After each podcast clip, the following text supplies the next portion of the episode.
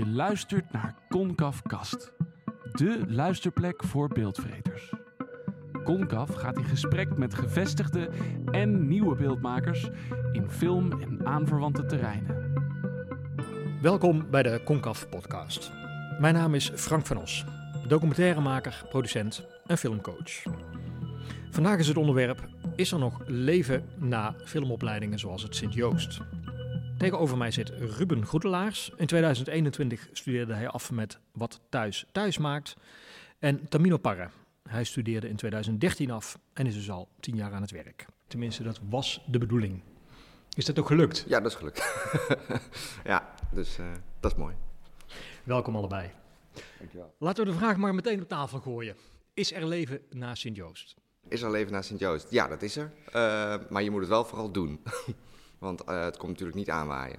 Uh, ik heb zelf na uh, de Sint-Joost eerst dokwerk gedaan bij Van Os Films. Even voor degene die het niet weet, dat is mijn eigen opleidingsplek waarbij mensen werkervaring op kunnen doen. Dat heb je een vijf maanden gedaan, denk ik, toen? Ja, klopt, een half jaar toen. Ja, ik denk dat dokwerk was voor mij heel fijn, omdat het gewoon een soort van... Um, ja, je ging gewoon dingen maken, weet je. Het was ook vrij praktisch. En we gingen ook gewoon op pad en we gingen regisseren, camera doen, geluid monteren. Dus je was gewoon heel erg praktisch bezig. En op de Sint-Joost heb ik in het afstudeerjaar, ik in ieder geval heel erg ervaren, dat je heel erg conceptueel bezig bent. Waar lijkt uh, het echte leven het meest op, zeg maar? Oh, interessant. Uh, ik denk een combinatie van. Ja, want um, ik heb nu net een nieuwe documentaire gemaakt. Daar heb ik ook weer een filmplan voor geschreven. Uh, dat heeft ook heel lang geduurd. Dan ben je weer lang aan het schrijven en dan ga je researchen. Nou, uiteindelijk zijn we gaan draaien, monteren. Dus ja, ik, um, dat draaien en monteren is dan weer het, het praktische aspect. Hoewel met monteren ga je natuurlijk nogmaals je film eigenlijk regisseren. Dus het is ook alweer een diepgaand proces. Maar het, het filmen zelf is misschien wat, wat praktischer van aard. Um, dus het, ja, je gaat toch weer... Ja, ik denk een combinatie van eigenlijk. Ja. En Ruben? Ja, ik heb uh, denk ik het, sinds ik afgestudeerd ben het hele ding van oké, ik moet nu meteen een soort van werk in het veld vinden. Dat, dat hele, die druk of zo heb ik echt even moeten leren loslaten, zeg maar. Om daar een beetje relaxed mee om te kunnen gaan, zeg maar. Dus ik ben eerst gewoon echt het afgelopen jaar even gaan kijken wat ik nou precies wilde gaan doen. En ik heb echt de meest verschillende dingen gedaan. Allemaal hele uiteenlopende opdrachten. Sommige wat groter en sommige wat kleiner.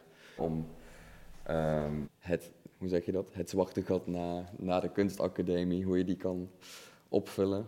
Ja, is het een zwart gat? Nou, zo noemen ze dat vaak toch?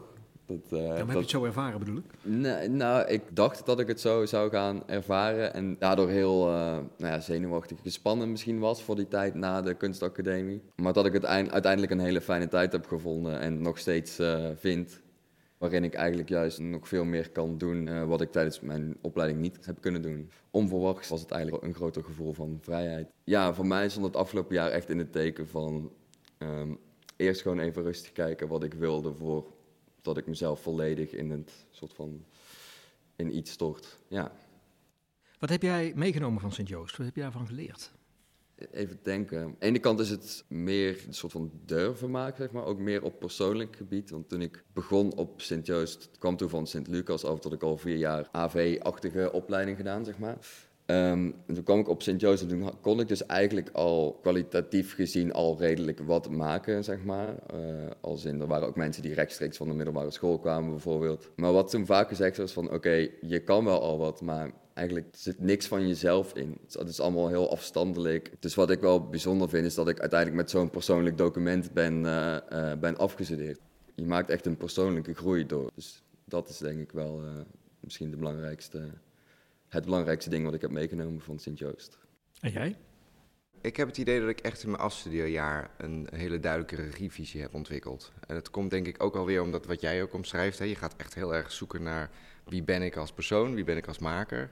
En omdat je afstudeerfilm vaak toch een heel persoonlijk onderwerp is, dat je dan toch daar het meeste leert of zo in dat jaar. Tenminste, als ik voor mezelf spreek. Ik heb echt in dat jaar heel veel geleerd. Nee, dat heb ik absoluut ook hoor. Ja, ja. Ik denk dat eigenlijk. Uh, ik neem daar nog steeds heel veel van mee. Want ik merk nu, en dat vind ik wel grappig, dat in mijn nieuwe film...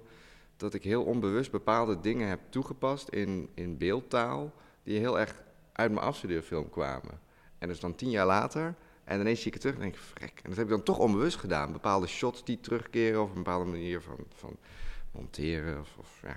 En welke film heb je nu over? Mural hoofdstad. Die gaat over de ontwikkelingen van eh, openbare kunst, street art, eh, graffiti, eh, ehm, ja, muurschilderingen. In, eh, in de mural hoofdstad van Nederland. En dat is Heerlen. Want Heerlen noemt zichzelf dus de hoofdstad van de muurschilderingen. En eh, nou ja, dat vond ik interessant. Dat ben ik gaan onderzoeken. En wat heb je dan in die film toegepast wat je tien jaar geleden al ontwikkeld hebt? Nou, om het kort te houden, denk ik, want anders wordt het wel een heel lang antwoord. Eh, ik, eh, ik, ik vind altijd heel erg, ik vind dualiteit altijd heel erg interessant. Dus dat, dat er een bepaalde wereld is van, eh, als, je, als je een personage hebt in een documentaire, dan, dan heeft die persoon een bepaalde belevingswereld. En eh, die persoon kijkt ook met een bepaalde blik naar de buitenwereld toe. Daar zit een bepaald spanningsveld altijd in, van hoe iemand zich verhoudt tot diens omgeving.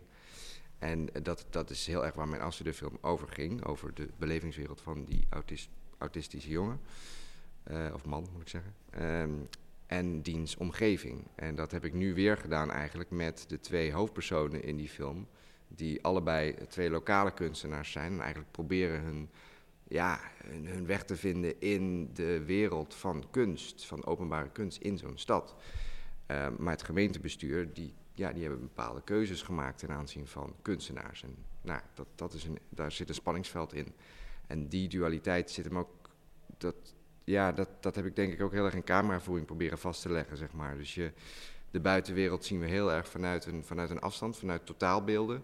Terwijl in de, de wereld van die twee personen, daar, daar komen we heel close. Daar komen we heel intiem. Daar is de camera heel warm. Daar zijn we heel erg dicht bij die personen. Dus op die manier heb ik visueel proberen om daar een bepaalde afstand in te creëren, zeg maar. En dat is eigenlijk ook wat in mijn afstudeerfilms altijd. Dat, dat is wel grappig dat dat weer eigenlijk onbewust terugkwam, zeg maar. En ehm, dat vond ik gewoon een enorme. Ja, weet je, zo'n afstudeerfilm is gewoon een, een, een psychologische rit. Je gaat gewoon heel erg. eh, ehm, ja, je bent heel erg bezig met, een, eh, ja, met jezelf ook. En met jouw jouw regievisie en jouw visie als, als persoon, als maker. Hoe je in het leven staat, wat je wil maken. Waar ging Dus- die film over? Mijn film ging over een eh, striptekenaar die autisme had. Hij maakte erotische strips en hij woonde nog bij zijn ouders op 36-jarige leeftijd, eh, omdat zijn vader aan MS leed. Dus hij was ook mantelzorger voor zijn vader. En nou ja, een heel eh, eh, moeilijk onderwerp ook. En ook wel een heel kwetsbaar onderwerp. Dus daarom vond ik dat ook wel belangrijk om dat zo integer mogelijk te maken. En waarom was dat een psychologische rit voor jou dan? Ja, dat is een goede vraag. Ik denk omdat je heel erg gaat zoeken naar, ja, naar, naar de mens. En ehm, ik denk dat ik dat in al mijn films wel onderzoek. Ik ga toch veel meer op het humanitaire niveau zoeken naar een interessant verhaal. Als dat ik veel meer vanuit een journalistieke invalshoek een film maak. Ik ben veel meer geïnteresseerd in de psyche van de mens. Eh, waarom iemand iets doet, vind ik interessanter wat die persoon doet.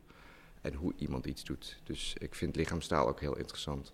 En ja, weet je, als je een filmplan schrijft, en zeker op de, ik weet niet hoe jij dat hebt ervaren, maar ja, als je dan ook een onderzoeksverslag gaat maken tijdens je afstudeerjaar, dan ben je zo bezig met je, je eigen regievisie. Dat is onlosmakelijk verbonden met je persoonlijke eh, eh, ja, leven eh, op dat moment eigenlijk. Dus je Zeker, bent, ja, ja. je bent heel erg bezig om, een, ehm, ja, om, om jezelf te, te vinden als, als persoon en als filmmaker. Ja, ja, in mijn geval was dat natuurlijk helemaal het geval, omdat mijn film ook nog daadwerkelijk over mezelf ging. Eh, mijn film heette Wat Thuis Thuis Maakt. En eigenlijk gaandeweg tijdens het proces, of tijdens het schrijven van de film, ehm, heb ik eh, dus besloten om de film over mezelf te laten gaan. Ehm, ja, wat- waardoor het dus echt helemaal een soort psychologische reis werd. En ja, dus ik ging eh, tijdens dat project op zoek naar de oorsprong van mijn thuisgevoel. eh, door met één camera slash geluidsman, eh, dus met één andere persoon, eh, twee weken onderweg te gaan in een auto. En daar eh, mezelf te verwijderen uit mijn, uit mijn thuissituatie. Je ging eigenlijk wonen in die auto, toch? Ik ging wonen in die auto en ondertussen ging ik bij verschillende mensen langs of die ik kende of minder goed kende. En die eventueel een interessante kijk hadden op het thuisgevoel of een interessante thuissituatie hebben of hadden. Ja. Heeft het je veranderd, die film? Uh, het heeft me veranderd in die zin dat niet, niet meteen op het, de thematiek of het onderwerp zelf, maar ik denk wel dat ik me bewuster ben geworden van mezelf. Dus dat uh, ik door dat proces van die film, doordat ik ook grotendeels mezelf heb gemonteerd en zo naar mezelf heb kunnen kijken, dat ik misschien na het maken van die film wel makkelijker een stapje terug kan doen en, en uh, mezelf, ja, hoe zeg je dat, voor een afstandje kan bekijken en um, misschien makkelijker kan nadenken over hoe ik dingen uh, doe of wil doen. Ja. Is er een fragment in die film wat voor jou belangrijk is geworden? Nou, het, wat ik mooi vind aan, de, aan het project is, ja, wat natuurlijk het soort van ultieme documentaire ding is, is dat ik eigenlijk in de film concludeer dat mijn oorspronkelijke doel of wat ik wilde doen uh, mislukt is. Maar omdat het documentaire is, wordt dat deel van het verhaal, zeg maar. En vind ik uiteindelijk ook in, uh, in die mislukking vind ik het antwoord uh, op de vraag.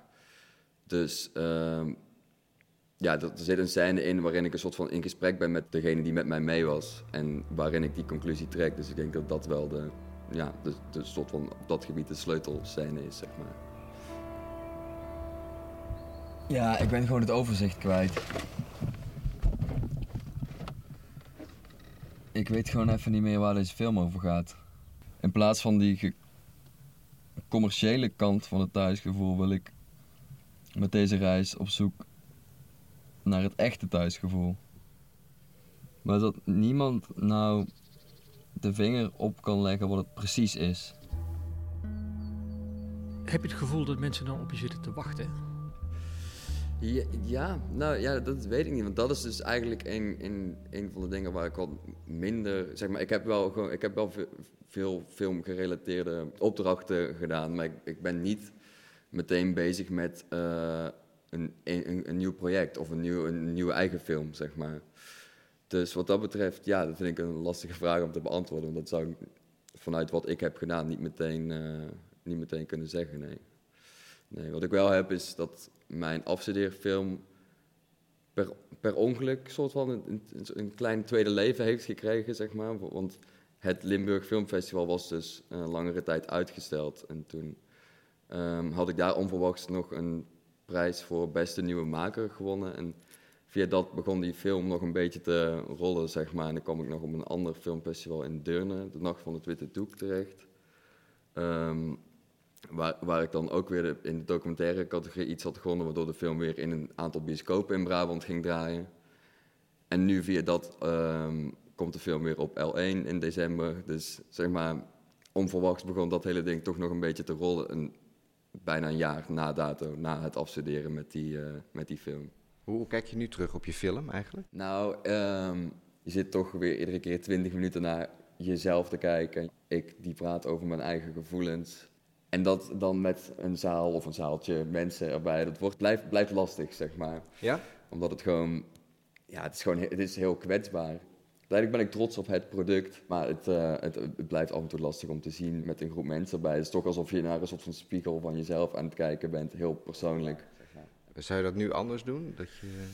Mm, ik weet niet of ik het anders zou doen, want ik heb wel veel, ik heb veel over mezelf geleerd. En het, is ook, het brengt iedere keer wel veel mooie dingen met zich mee. Omdat mensen dan na een vertoning over hun eigen uh, ervaringen en hun eigen gevoelens. Het breekt wel snel een soort van de conversatie open. Dus het heeft mooie dingen, maar ook, uh, ook af en toe nog wel. Nog steeds iedere keer als ik het zie met mensen, vind ik het nog steeds een lastig document om te, om te zien. Ja, maar dat snap ik ook, want je bent het zelf. Ja. Je, je hebt jezelf heel kwetsbaar opgesteld. Dus het is ook. Um, ik kan me wel voorstellen als je het net allemaal gemonteerd hebt of zo, dat het misschien heel verzadigd voelt. En op een gegeven moment dan neem je weer wat afstand, dan zie je het weer met mensen en dan komt het gevoel weer terug. En bij jou denk ik dat dat heel um, uh, persoonlijk is. Dat ja, gevoel. dat is het dus ook. Ja, wat ik al zei, soms wat lastiger, maar dat brengt ook mooie dingen met zich mee. Ja. Heb jij het gevoel dat de wereld zit te wachten op uh, hoeveel klassen zijn het wel niet? Filmacademie, HKU, Sint-Joost? Ja. uh, Ja, weet je, ik denk als je heel dicht bij jezelf blijft als filmmaker, dan eh, kun je ook hele authentieke verhalen vertellen die, die jouw zienswijze laten. Ik bedoel, elke documentaire is natuurlijk subjectief per definitie. We hebben allemaal een visie, we hebben allemaal wel een. een ik denk op het moment dat wij, dat vertelde jij ook net, van als jij iets over jezelf maakt, dan vertel je eigenlijk ook een universeel groter verhaal waar heel veel mensen zich in kunnen herkennen. Dat is heel krachtig, want dan krijg je dat mensen bepaalde eh, lagen ontdekken in jouw film waarmee ze zich kunnen vereenzelvigen. En eh, misschien zijn dat ook wel lagen die helend kunnen werken voor een bepaald psychisch proces waar ze zelf doorheen gaan of zo. Dus het, Zeker, absoluut. En ik merk ook, als ik kijk naar mijn klas, mijn afstudeerjaar, bedoel, lang niet iedereen wordt daadwerkelijk regisseur of gaat meteen verder met eigen films maken. Dus het verspreidt zich zo erg over wat iedereen, eh, wat iedereen gaat doen. Uiteindelijk studeren er, eh, weet ik veel, in een jaar eh, per opleiding 20 mensen af aan film. Maar wat iedereen er uiteindelijk mee gaat doen, dat verspreidt zich gewoon helemaal. ja, nee, dat was bij mij ook. Ja. Ja, ik ben uiteindelijk met, eh, ik, inderdaad, ik geloof ik, twintig mensen begonnen. Uiteindelijk zijn we met zes mensen afgestudeerd. Ja, dat natuurlijk. dus, eh, en, en dan zijn er nog, en volgens mij drie vier, die echt actief met film bezig zijn. Dus ja, dat is natuurlijk ook prima. Maar ik, ja, ik denk dat dat het vooral is als antwoord op je vraag. Van, zodra je dicht bij jezelf blijft, dan kun je ook hele eigenzinnige verhalen vertellen. Het klinkt misschien gek, maar hoe, hoe intiemer of kleiner het verhaal, hoe, hoe universeler soms de boodschap kan zijn. En hoe meer mensen zich daarin kunnen herkennen. Je zou misschien denken van, oh, hoe groter ik het verhaal aanpas, hoe meer verhalen erbij komen, hoe meer mensen zich daarin kunnen identificeren. Nou, dat, dat hoeft helemaal niet. Juist het kleine is, eh, is heel mooi. Ja, nee, maar dat is ook. Ik denk dat heel erg dat, dat kleine, hoe specifieker iets is, hoe groter de herkenning eh, is, zeg maar. Als, als jij iets herkent van iemand wat zo, wat zo heel klein en eventueel kwetsbaar is, dat, is, dat voelt veel persoonlijker als dat jij iets van, weet ik veel, een, heel groot eh, maatschappelijk thema of zo, waar iedereen mee te maken heeft. Maar dat, dan voel je je veel minder verbonden met een thematiek of een onderwerp. Nou, de thematiek kan natuurlijk wel ten grondslag liggen. Hè? Dat je een bepaalde politieke situatie, bij wijze van spreken, als onderlaag hebt. Maar ik denk dat, ja, precies wat jij zegt, als de eerste laag, de eerste vertellaag, als dat heel intiem en persoonlijk is, dan ga je daar veel meer mee. Ja, Film is gevoel en niet informatie. precies. Ja. Heb jij een mooi voorbeeld waarin je dat voor elkaar hebt gekregen? Nou, ik heb vorig jaar een film gemaakt die heet Uit de Schulden. En dat ehm, is een film van een half uur. Die gaat over twee mensen die allebei midden in de schuldsanering zitten. En het is eigenlijk grappig, die film die heb ik toen gemaakt in de lockdown. En er was heel weinig ruimte om visueel iets te doen. Dus ik heb het weer heel erg teruggebracht naar wat is nou de essentie. Ja, die mensen die zitten vast in hun kamertje eigenlijk. Die voelen zich opgesloten, die voelen zich geïsoleerd. Die hebben sowieso een lockdown, zeg maar. Dat sowieso, ja. En ik dacht, oh, dat moet ik zien te verbeelden. Dus het zijn gesprekken geworden en, en observaties van die twee mensen in hun persoonlijke habitat eigenlijk. Uiteindelijk zit ik nu in een schuldsanering voor 58.000 euro. Dus, en dat is, eh, ja, als je dat bedrag ziet, dan denk je dat, dat kan niet. Dat klopt gewoon niet. Dat zorgde er uiteindelijk wel voor dat als de bel ging, dat we, eh, dat we via het gordijn gingen kijken van, oh, eh, is het een deurwaarder of wie is het? Het geluid van de bel, dat was dan al zo'n trigger voor mij. Dat ik, ja, Van een druk sociaal leven, eh, gewoon een leven met een partner. En in één keer, ja, nou, niks eigenlijk gewoon. Je staat alleen en in een kamertje als dit. Ja, het is moeilijk. Ja, ik vind hem wel, eh, ik vind hem wel geslaagd. Omdat het ook zo klein is en intiem, ga je ook dichter tot hun, hun dagelijks eh, bestaan of zo treden als kijker. Om dan een, een beetje in iemands hoofd te kunnen kruipen en om dan ja, daar, daar iets dichterbij te komen. Ik denk dat dat, eh, ik denk dat dat heel veel reacties bij mensen kan losmaken. Dus ja, daarin is het wel gelukt, denk ik. Jij bent nu tien jaar bezig. Heeft die tien jaar gebracht wat jij ooit gehoopt had? Wauw, dat is een grote vraag. Eh, heel veel wel. Ik denk dat ik eh, wel dacht dat ik nu misschien al een lange documentaire had gemaakt. Maar eh, ja, goed, dat, dat hoeft ook niet. Want een korte documentaire kan net zo krachtig zijn, namelijk. Ik denk dat ik heel erg de ambitie had om heel erg eh lange verhalen te vertellen. En ik denk dat ik dat wel toen dacht van dat moet ik over tien jaar hebben. Maar eigenlijk gaat het daar helemaal niet om. Uiteindelijk gaat het erom van dat je, dat je ja, dicht bij jezelf blijft, wat jij ook mooi omschrijft. En dat je krachtige verhalen weet te vertellen die mensen in beweging zetten of mensen raken of mensen ontroeren. En dat is wel gelukt, vind ik. En jij? Heb jij dromen? Ja, ja bij mij eh, is het nu nog, zit ik nog midden in die zoektocht met waar ik, eh, waar ik naartoe wil. Uiteindelijk ehm, heb ik het afgelopen jaar toch het echte makerschap iets meer losgelaten. Niet dat ik daar niet meer, per se niet meer terug naartoe wil. Maar ik heb wel gemerkt dat ik op een of andere manier weer andere aanknopingspunten in het werkveld vind. Dus eh, ik merk wel echt dat gewoon even rustig doen en, en soort van even alles loslaten en gewoon kijken wat je echt wil doen, wel ook echt daadwerkelijk zijn vruchten afwerpt, zeg maar. Dus ja, nee, mijn, ja, mijn droom, om het zo maar te zeggen, is dus gewoon toch uh, hopelijk die zoektocht voltooien en ehm, mooie loopbaan ja, waar ik tevreden mee ben. Ja.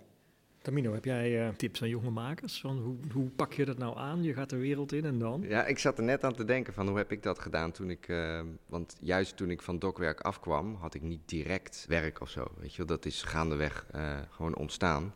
Ik denk dat het ook met geduld te maken heeft. Dat je een lange adem moet hebben. Want het is echt wel zo, je moet doorzettingsvermogen hebben. Want je kunt nog zoveel leuke ideeën bedenken. En dat geldt ook voor als je inderdaad als curator, bij wijze van spreken, of met festivals te maken hebt. Uiteindelijk moet je heel graag willen ja, wat je gaat doen, zeg maar. Als je, moet het echt, je moet echt een passie voelen. En dan moet je dat uiteindelijk ook wel zien te vertalen naar het, het pragmatische, naar het doen. Want anders blijf je altijd maar op dat kamertje zitten, schrijven en denken en filosoferen. Uiteindelijk moet je gewoon, je moet gewoon doen. Ik denk, als het niet vanuit jezelf komt, als, als je elke keer externe factoren nodig hebt om jou weer, om dat vuur in jou aan te laten wakkeren, ik denk niet dat dat de goede manier is. Ik denk dat je echt vanuit jezelf iets, iets een soort diepere, intrinsieke motivatie moet hebben van dit wil ik heel graag, ik, ik, uh, ik moet dit doen of zo. Een soort creatieve noodzaak. Nou werk jij samen met je vriendin ja. in de visfilmproducties. Helpt dat ook nog? Ja, absoluut. Die heeft ook Sint-Joost gedaan trouwens? Ja, een jaar na mij afgestudeerd. Loes, Loes Jansen. Ja, we maken allebei films, individueel van elkaar, maar ook samen. En jullie delen een kantoor? Ja, dat ook. En een huis? Werk en privé gaat bij ons. Uh, dus één, één ding. Dus uh, dat is soms een enorm conflicterende massa. En de andere keer gaat dat weer heel erg goed en vullen we elkaar aan. En uh, ja, een lach en een traan, zeg maar. dat, dat is het uh, bij ons heel erg. Is het aan te raden? Nou, zie de rimpels hier? Maar ja, is het aan te raden? Ja, ik weet het niet. Ik, ik denk dat je heel erg naar elkaar toe groeit op het moment dat je allebei dezelfde passie deelt. Maar ja, je neemt het ook mee naar huis. Weet je? Dus als wij op de bank s'avonds thuis zitten, dan is het niet altijd van kom, we laten een leuke film kijken. Nee, we gaan nog anderhalf uur door over die film. Want daar hadden we het over. dus dat kan soms heel lang, uh, kan dat nog wel door resoneren. Dat is wel uh, ja, iets dat ik denk, mwah, dat moeten we af en toe wat minder doen. Maar ja, we zijn alle twee heel gepassioneerd, denk ik. En dat, ja, dat gaat gewoon door. Ruben, ken jij films van Tamino? nee, nee. En jij, Tamino? Nee, eigenlijk niet. Maar we hebben elkaar natuurlijk ook net pas ontmoet. Nee, ja, dat is inderdaad zo. Ja. Welke film moet, uh, moet je van elkaar kijken? Ik ben heel benieuwd naar je afstudeerfilm. Ja, uh, ja, en welke zou ik dan van jou moeten... Dan zou ik eigenlijk ook wel jouw afstudeerfilm willen zien. Ja, dat is wel grappig, want jij zei net, hij komt op L1, hè, jouw afstudeerfilm. Ja. Mijn film komt dus ook op L1 in december. Ah. Dus eigenlijk kunnen we elkaars film kijken. Ah ja, nee, dat kan. Dat kan sowieso. Jou, jouw nieuwe film? Ja. Oké. Okay. Dat... Uh, ja, nee, die zou je kunnen. Ja, die, ik, vind hem, ik vind hem wel goed geworden. Dus dat is misschien wel leuk. Ik ben benieuwd. Die te laten zien. En met wat je net verteld hebt, ben ik wel heel benieuwd ook naar jouw film. Dus dat.